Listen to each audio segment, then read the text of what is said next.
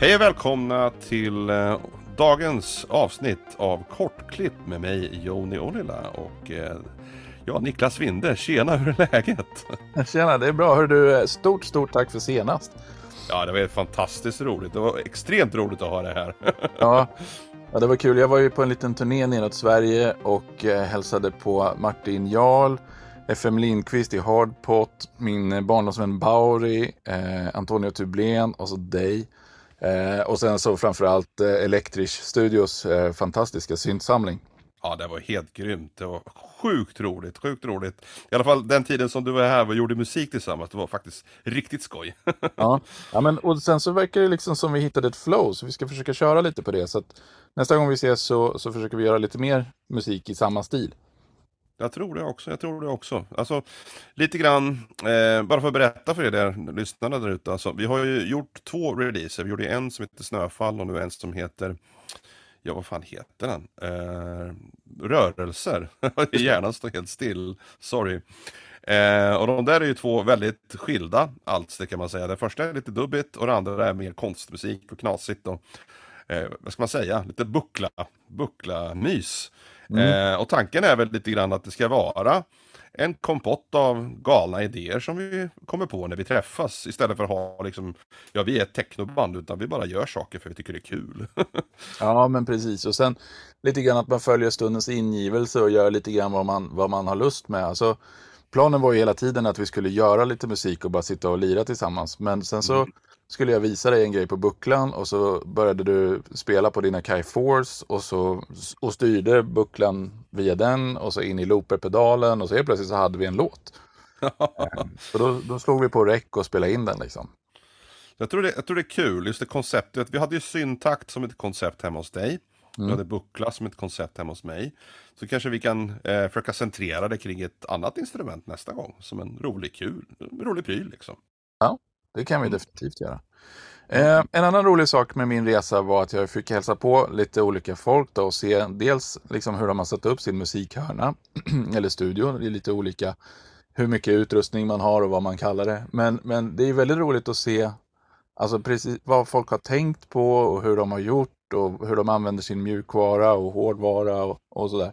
Så det var ju otroligt lärorikt och eh, Ehm, ja, vissa använder ju mer mjukvara och vissa använder ju mer hårdvara och vissa blandar ju och sådär. Så det är, det är väldigt intressant. Så där har jag fått lära mig mycket.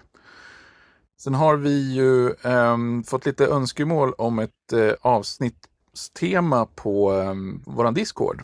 Eh, att vi ska prata lite grann om kompressorer och hur de funkar. Och eh, det kommer ju bli på nybörjarnivå då. Så vi tänkte vi skulle förbereda lite det eh, med lite ljudexempel och sådär. Så det blir inte idag. Eh, så därför har ni chansen att gå in på Discorden och önska lite om, ni, om det är något speciellt ni vill veta eller någon speciell grej ni vill att vi tar upp eh, kring kompressorer då, i nästa avsnitt. Precis, varför heter det ni-kompressor till exempel? Du vet, sådana ja. där saker. Ja, vad, vad är ett knä för något liksom? Precis, saker ni alltid velat eh, önskat veta om kompressorer men inte vågat fråga för. Då är möjligheten. ja, nej och sen så vet ju inte vi allting. Jag, definitivt inte jag. jag. Jag har ju förstått grunderna i hur de funkar och jag har lärt mig vilka material som de funkar på och hur man ska göra för att få fram det man vill ur det material man har och jobbar på. Eh, mm. Så det är väl mest den liksom vinkeln jag tänkte, tänkte ta. Precis, precis. Jag tycker det, kommer bli fantastiskt roligt. För att en annan sitter ju bara typ per automatik och skruvar på rattarna utan att tänka vad man gör. Så jag tror det är roligt också för oss då liksom försöka analysera vad det, vad det, vad är det vi egentligen vi lyssnar efter? Vad är det egentligen vi tar oss för när vi ger oss på ett instrument eller en buss eller en master. Eh, så att jag, jag tror det kommer bli ett väldigt roligt avsnitt så jag ser fram emot det. Mm, jag med. Och det finns ju mycket frågor så här, bara hur, hur hur hör man att ett, att ett spår behöver kompressor? Eller hur, hur vet man liksom vilken sorts kompressor och varför och hur den ska ställas in och så vidare. Mm. Mm. Det, det, är nog bra tankar. Men eh, det ska det inte handla om idag, utan idag ska det handla om eh, syntar eller maskiner som, som ensamma räcker för en hel låt. Mm. Det där är ju ett väldigt intressant område. Jag har ju själv väldigt länge tänkt på det där. Eh, alltså ur flera vinklar. Alltså den första självklara vinkeln är ju den här eh, vad är det för apparat man kan ta, ta med sig när man är ute och reser? eh, du vet, ha med sig i väskan. Eller så man kan sitta knät på tåget eller på hotellrummet. Det behöver inte nödvändigtvis vara eh, batteridrivet. Alltså det är ju en vinkel. Och den andra vinkeln är ju även eh, alltså, alltså eh, apparater som man faktiskt klarar av att köra typ ett helt liveset med rent tekniskt. Eh, för att det är väldigt jobbigt att ta med sig många, många maskiner när man är ute och spelar. Så att har man då en kärnenhet som kan agera liksom eh, huvudmaskin eh, i studion så kanske man kan ta med sig eh, den enstaka burken ut på ett live-gig och presentera sin musik då på plats. Då. Eh, jag, jag tror att det är många som tänker eh, i de banorna. och Jag tror även att nybörjare där ute, alltså ni som kanske inte har skaffat en sån här elektronburk eller en Akai MPC, kanske funderar vad det finns det för för och nackdelar liksom med vissa typer av maskiner och hur tänker vi när vi, när vi musicerar med de här enstaka burkarna. Så lite grann de eh, tankarna som, som fick oss att börja fundera på det här avsnittet. Vi fick ju även Eh, på våran Discord eh, lite, lite tips och lite förslag om om eh, det här som ett avsnitt. Så jag, jag tycker vi ska ta dubbelklicka in i det här lite grann. Absolut. Eh, och, och, som sagt, nu, jag har inte varit igenom sådär jättemånga sådana maskiner eh, och jag har inte haft några längre perioder i mitt liv där jag eh, har suttit med enbart sådana maskiner. Och jag har inte spelat särskilt mycket live heller. Men jag har ändå lite tankar och, och sådär kring det hela. Ehm, men när du pratar om att ha en maskin som kan presentera hela ens liveset eh, så kommer ju Octatrack liksom direkt upp i huvudet. Det är ju en sån här typisk yes. maskin som du kan lägga in liksom alla spår från dina andra maskiner i och köra. Mm. Eh, och det är väl kanske inte riktigt den maskinen ur den aspekten som vi menar när vi, när vi säger så här. Alltså det går ju att göra massa andra saker med Octatrack också. Eh, så, så, att vi menar det väl kanske inte som en, en uppspelare av backing tracks liksom. Nej, men det, man skulle kunna göra det också, men jag tycker att Octatrack är en extremt bra exempel på en maskin som gör just de bitarna. För att Alltså man behöver inte nödvändigtvis sitta och sampla sina syntar eh, hemma och sen ta in det i Octatracken och modellera. Alltså, utan man tänker på Octatracken mer som ett instrument istället. Att de ljuden som man stoppar in, är det meningen att man ska liksom processa och ändra och göra sin musik med? Då blir ju Octatracken, tycker jag, mycket mer intressant. För då blir det mindre som en bandspelare och mer som ett eget fristående instrument då. Och det är där jag tycker just Octatracken och även Digitakten är extremt intressanta i just de aspekterna, att man bygger liksom musiken baserat på de kriterierna som, som Octatracken och Digitakten ger. Eh, jag har själv aldrig ägt en Octatrack, eh, ska jag vara ärlig med, men jag har sett andra jobba med den. Jag tycker den verkar extremt intressant och grymt flexibel just när det kommer till musikskapandet. Eh, det jag dock har lite svårt för är att det blir väldigt bit beat och loop och techno-orienteras de oftast. Det materialet som jag ser presenteras på en sån maskin. Eh, så att det kanske är någonting i elektronlandskapet som gör att man dras till en viss musikform. Jag vet inte, vad, vad, vad, vad tror du om det? Alltså jag har nog en känsla av att mycket om, alltså det ligger i maskinernas natur att det blir lite loopbaserat. För de har ju en, en, vad ska man säga, en hyfsat kort sequencer och sen så får du ju själv ansvara för att bygga upp sånger och sånt med den om du vill ha mer variation över tid då. Precis. Men absolut eh, är det ju en risk att det liksom landar i loopbaserad musik. Så båda de här maskinerna har ju song mode, så man kan ju bygga hela låtar om man vill. Eh, nu vet jag inte eh, av erfarenhet i detalj, men jag har sett, eh, jag tror det är Lucifers Aid eh, som Kalles band heter va? Eh, han har, jag tror han har haft Octatrack och Analog 4 på scen eh, vid några tillfällen. Jag undrar då om man bygger song modes och sånt där och presenterar egentligen hela hela låtarna, hela konserten då eh, från de här burkarna? Det var en intressant fråga att ställa. Jag ska nog göra det tror jag. Eh, så det är ju en variant då man kan utforska själva songmode-biten. Men jag tror nog spontant att om man är ute efter att göra mer kompositioner, man kanske spelar i ett syntband, man kanske spelar i ett rockband, vad vet jag. Eh, då kanske 8-track eller digitakt loopbaserade enheter inte är det bästa eh, burken att börja med. Nej, Nej, men å andra sidan Octatracken kan vi köra ganska långa stora stereosamplingar så att man borde kunna göra alltså stora ljudlandskap som liksom fejdar in och ut ur varandra. Mm, men mm. apropå loopbaserade sequencers och sånt där så hade jag en som jag glömmer bort vad den heter hela tiden. Eh, och JGB letade upp det på 99 när jag hade glömt det sist. Skitsamma, den är vit och kanadensisk och den kunde man liksom lägga in små sekvenser i. Och så kunde man trigga de sekvenserna med eh, att skicka ett, ett midi-notmeddelande till den. Och så kunde man ju trigga dem i, i synk eller alltså helt fritt. Um, och de kunde vara olika långa och de kunde ha olika takt och tempo och alla möjliga konstiga grejer. Den var på tok för avancerad för mig som ville använda den som en step sequencer. Så var, jag hade den inte särskilt länge. Men, men, eh, och det var väl ett, ett litet stickspår höll jag på att säga. Men ehm, den tyckte jag om eh, en stund för sådana saker. Men eh, mm, mm. jag tror att den skulle gå att bygga upp jättestora saker med både live och inte. Då. Vilka mer sådana här maskiner finns det? Du nämnde ju lite samplers, Digitakt såklart eh, och sen Akai samplers, MPC. Precis, precis. Akai MPC och Akai Force är extremt intressanta.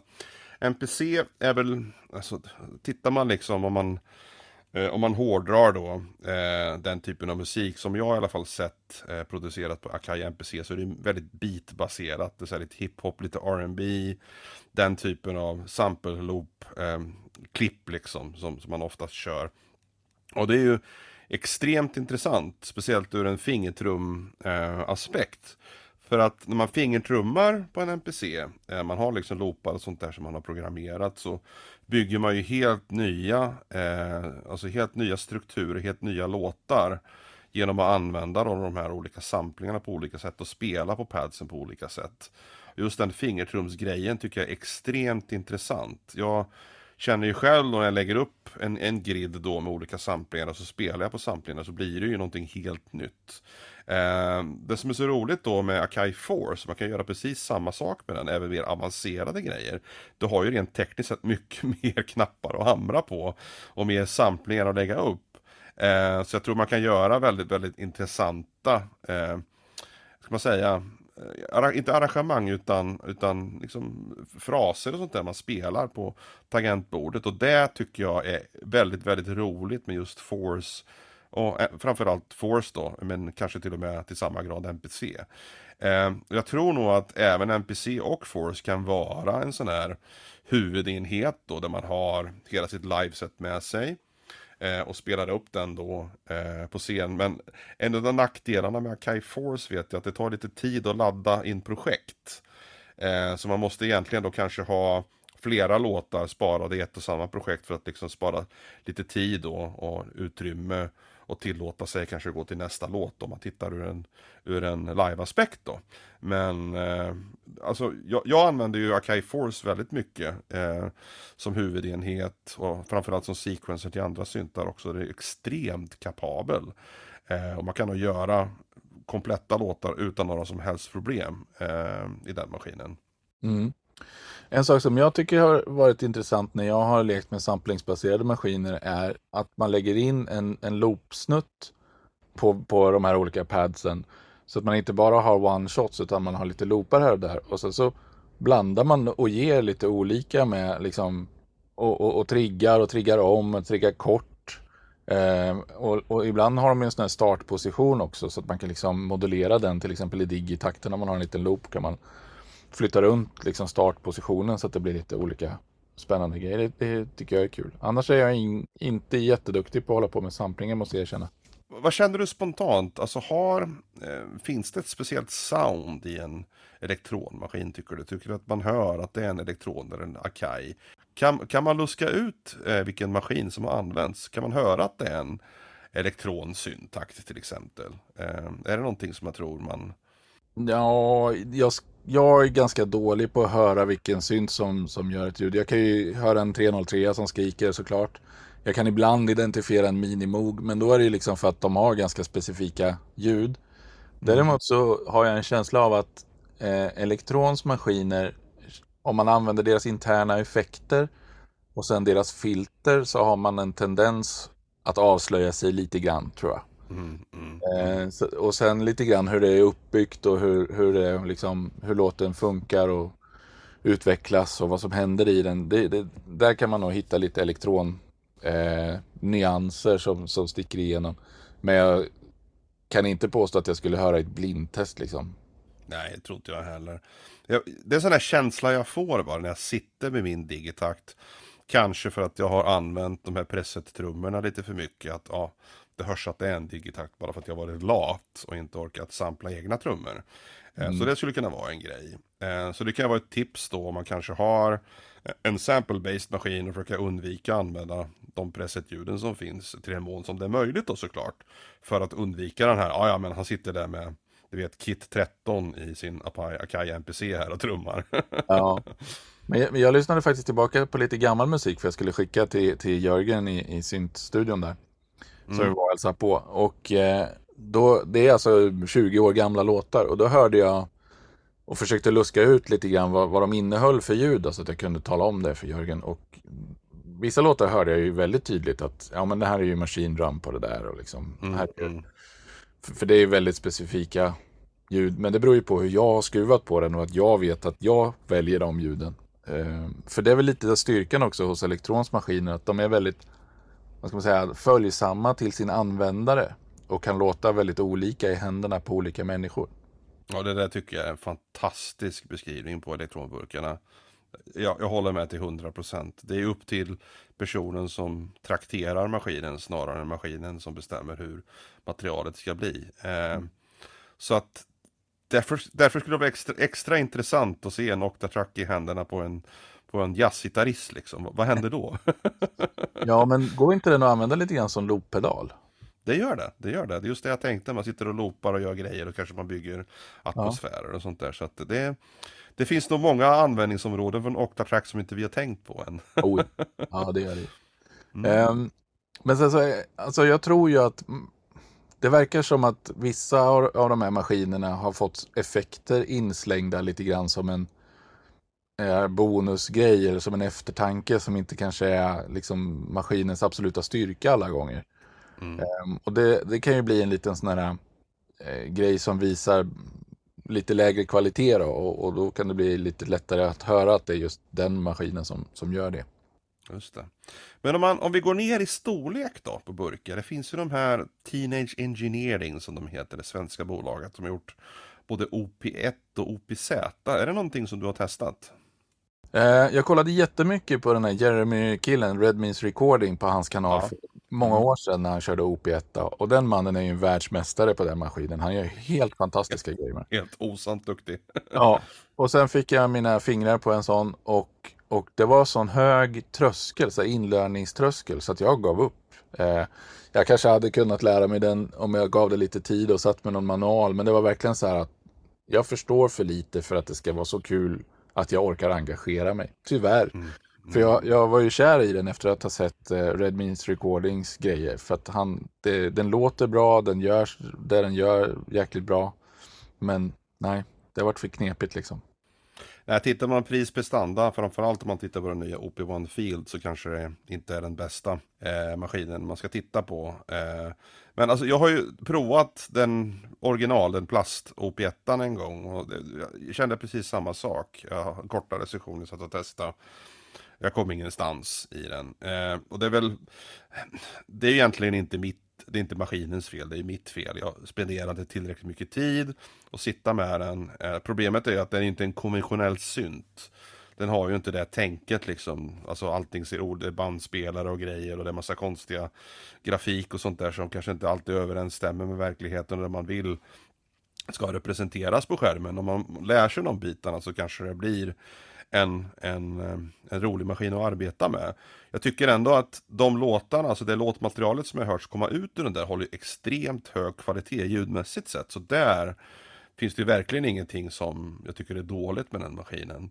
Eh, det som är, vore mer intressant tror jag kanske det är att, eh, alltså för min egen del, rannsaka mitt samvete, kanske sätta mig ner och prova den lite mer utförligt.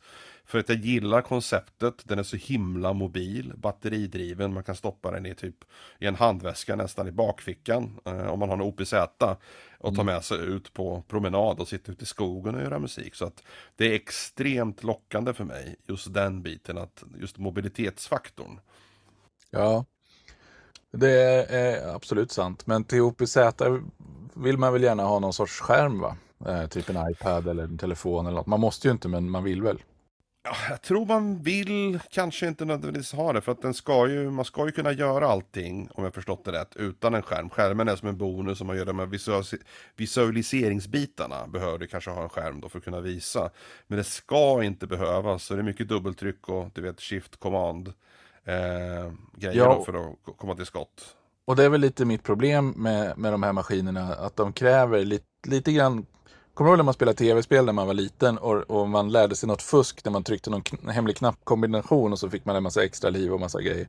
Ja, just det, just det. Och lite så känns de här maskinerna också. Att du måste lära dig lite handgrepp för att det ska funka. Och, och jag vill vara gammal och lat då helt enkelt som har svårt att och liksom sätta fart och lära mig det. För jag tycker elektronmaskinerna följer ett, ett annat schema som på något sätt är lite enklare. Men jag kanske inbillar mig. Nej, du inbil, alltså, nu är jag också syntgubbe då, så att du har ju en kompis här. har du. Jag, jag, jag, tänker helt osökt på den här trackern M8. Uh, om du vet den här lilla trackern, det är också Jeremy Redmins recording, han har gjort massvis med videos med den. Och det är så här, du vet, 17-18 knapptryckningar, du kanske överdriver väldigt mycket då.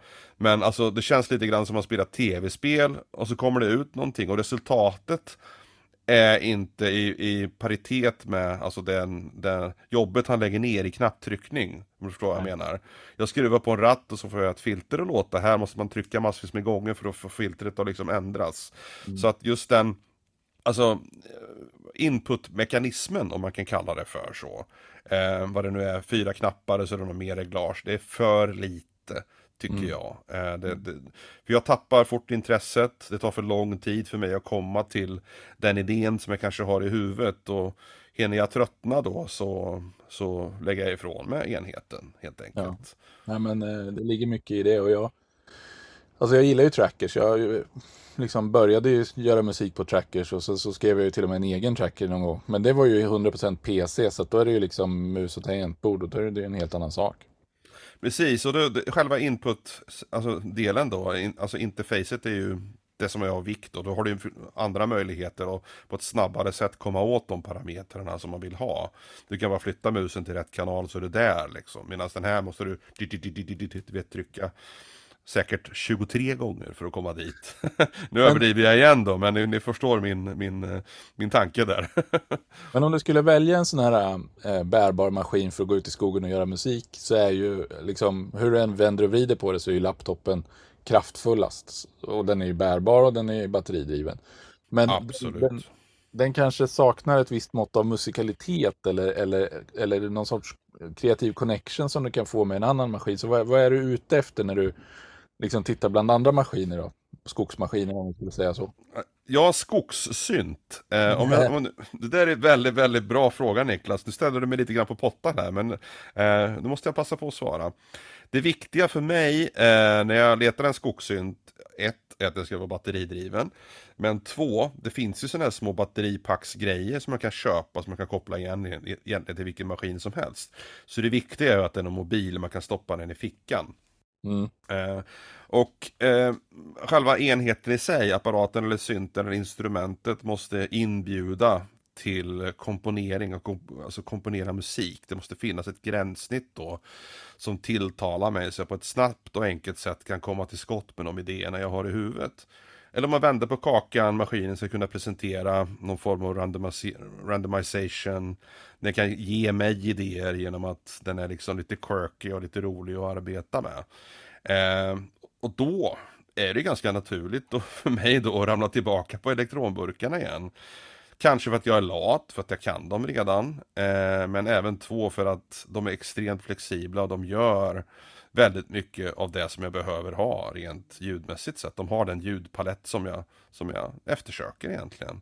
Mm. Eh, det jag skulle vilja ha kanske det är någon form av mikrofoninterface. Jag kan spela in ambient ljud så när jag är ute och springer omkring då. Man kan, just det jag gillar med OP1 att den har en mikrofon inbyggd. Mm. Man kan använda liksom typ skogsbrus, bäckar, fåglar, whatever det man är och använda det i del av sin komposition. Det tycker jag är ganska roligt och intressant. Eh, ja, ett, ett, intressant arbets, arbets eh, eller tillvägagångssätt. Ja. Um, ja, precis. om vi, om vi, om vi tänjer på skogssynt-definitionen lite grann och säger att man får ha ett batteripack med sig Och elektronmaskinerna har ju en line-ingång. Alltså, och då, om du då skulle ha en zoom med dig som mikrofon och förstärkare liksom, så, så skulle du ju kunna få med dina skogsljud. Och sen så, Absolut. Absolut. eh, så säger vi att vi spelar in på någon annan enhet. Och så, så, I så fall så är jag nog på samma linje som du. Jag tror att en elektronmaskin eh, i skogen skulle kunna vara ganska ultimat faktiskt. Det finns ju en till eh, maskin, Deluge, eh, som är väldigt intressant, som jag tror är batteridriven. Jag är inte helt hundra på, men det, det, det vet ni säkert lyssnarna om den är eller inte. Och den har jag, vad jag förstått har ju alla de här elementen plus en ganska så intressant batteris med knappar, man kan programmera patterns, plus en massa rattar. Det låter ganska hyfsat bra också. Så det skulle kunna vara en maskin som jag ännu inte har träffat på, jag har inte använt en sån själv. Men som skulle kunna vara en, en burk, jag skulle kunna tänka mig att ha ute i skogen också som skogssynt. Mm. Jag har bara tittat på bilder på den och inte riktigt eh, fördjupat mig så mycket i den. Men visst är det någon liksom knappmatris på framsidan som man kan använda på lite olika sätt. Och den, ja, just det. Och den visar Precis. sekvenser och sådana saker på de här knapparna på olika sätt. Jajamän, ja, det har väldigt bra visuellt interface med, med du vet, vart du är någonstans, vad du spelar, vilka ljud du använder och sådär. Då. Så även, har du även rattar du kan skruva på då, med vissa parametrar. Så den verkar ju, den är väldigt performance-orienterad, vilket jag gillar också med elektron. Att man kan assigna rattar till vissa saker och sånt där. Då. Så att det finns ju en upside där, eh, om man vill sitta och trolla ute i skogen då. Mm. Men alltså, om man tänjer lite grann på gränsen och man kanske har en, en resväska då, lite större typ eh, väska med sig. Eh, om du skulle vilja ha en skogssynt, va- skulle du tänka annorlunda då eller är det fortfarande elektronmaskiner som är eh, intressant för dig? Um, alltså, våran release som vi gjorde nu med låten Skogsråd, den tycker jag kan vara lite signifikativ för eh, alltså vad man skulle vilja göra. Om jag, om jag skulle sätta mig i en glänta och försöka göra lite musik och sen ha kanske öppna lurar så att man får in lite eh, skogsljud också. Mm. Jag tror att jag skulle tycka om att sitta med typ en buckla isel kanske. Ah, intressant, intressant. För då får du ju, dels får du ju de elektroniska ljuden med allt vad det innebär. Och den har ju dessutom en liten sequencer och två oscillatorer så att man kan ju ha en sekvens gående samtidigt som man spelar andra saker på eh, tangentbordet. Och eh, man kan göra väldigt, ska man säga, onaturliga ljud med den då. Och samtidigt så får man in det här skogsbruset, kanske någon fågel i bakgrunden.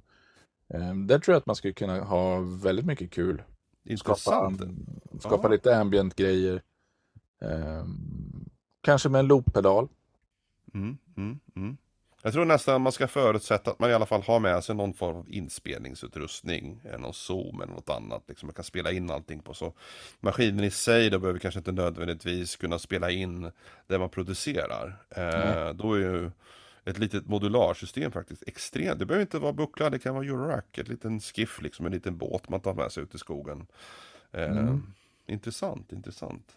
Ja, för det, det är väl den saken som jag upplever ofta när jag sitter med modularer, att det, att det är en liten klangresa som man upplever i stunden och som ger en glädje just då. Och man borde vara duktigare på att spela in dem där, för att under tiden som man sitter och rattar så händer det ofta lite happy accidents och eh, det är inte säkert att det blir en hel komposition av det, men man kan kanske norpa delar i framtiden. Mm. Eh, men sitter man då till exempel i, i skogen och, och får med lite skogsbrus och kanske till och med man kanske till och med har någon liten eh, reverbpedal eller något liknande så att man kan blöta till ljudet eh, lite. Eh, så, så tror jag nog att det blir tillräckligt bra. Ja, precis, precis.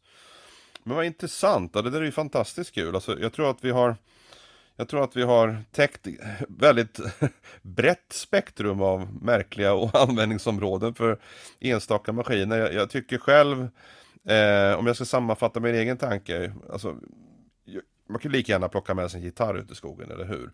Men eh, just ett elektroniskt instrument, i och med att det är det vi snackar om, är det som har vikt. Och jag känner ändå att elektronsyntarna då är eh, det som ligger mig- närmast.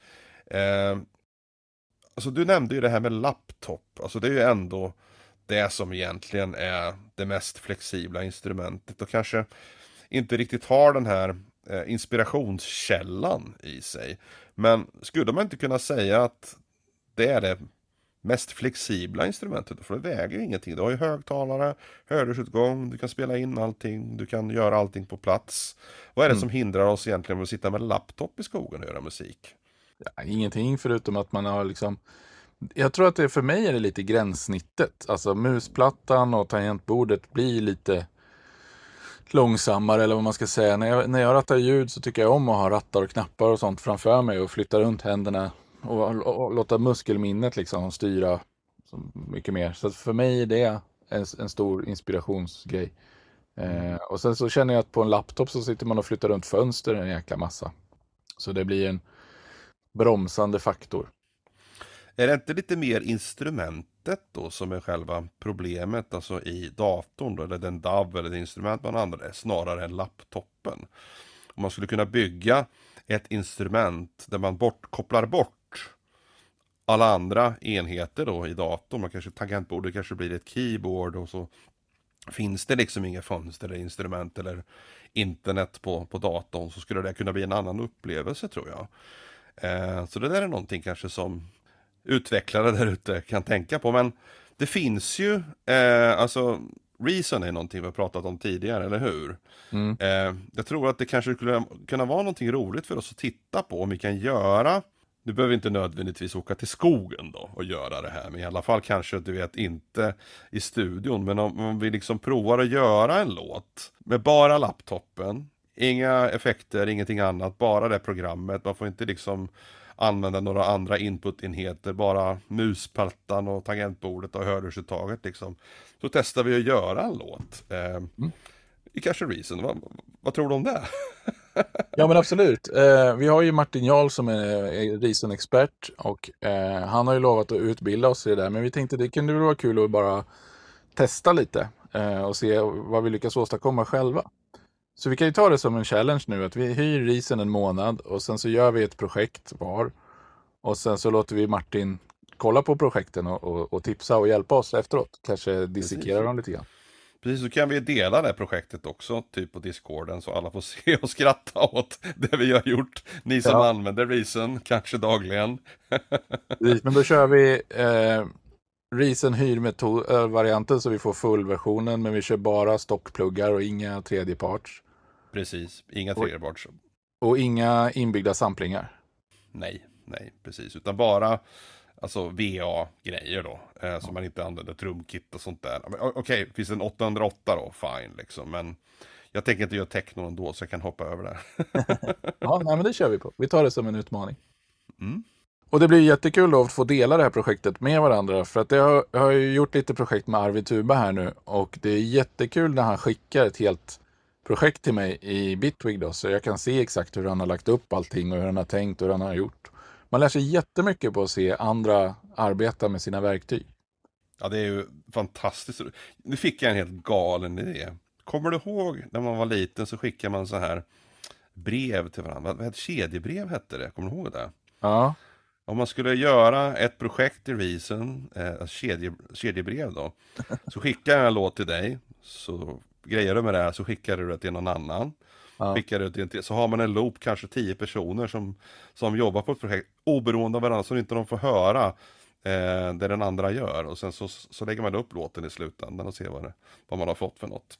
Det var en ganska cool grej va? Ja, så det som man får till sig är ett projekt, men man får inte lyssna på vad som finns i det. Du, du, du, får ju, alltså, jag skickar en, en, ett projekt till dig. Jag, jag gör en låt, tycker jag. Mm. Det här är en idé. Skickar jag den till dig. Mm. Och sen så jobbar du vidare på det, men jag får inte höra vad du gör. Nej. Du skickar det vidare till en tredje person. Mm. Och du får inte höra vad de gör. Och så får man loopa det runt tio personer och så lyssnar man då efter tio personer på slutresultatet och ser vad man kom fram till. Absolut, låter jättekul. det låter helt vansinnigt. Ja. Eh, det kanske är lite för avancerat för våran challenge, men någonting som vi kan tänka på. ja. ja, och sen får vi se om, om Reason är den mest lämpliga daven till det då.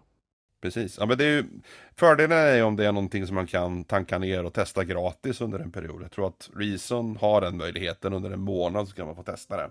Mm. Ja men vad bra, jag tror att det var allt för den här gången va? Ja, det var allt för idag. Det var mycket galenskaper och mycket flummade kring instrument tror jag. Men eh, ja, det var ett roligt avsnitt tycker jag i alla fall. Jag hade väldigt kul. Ja, det var roligt. Men eh, tack så mycket för den här gången då och eh, glöm inte att spela synt. Nej, precis. Du snodde du min tagline. Helvete. Ah, Niklas, får skärpa dig.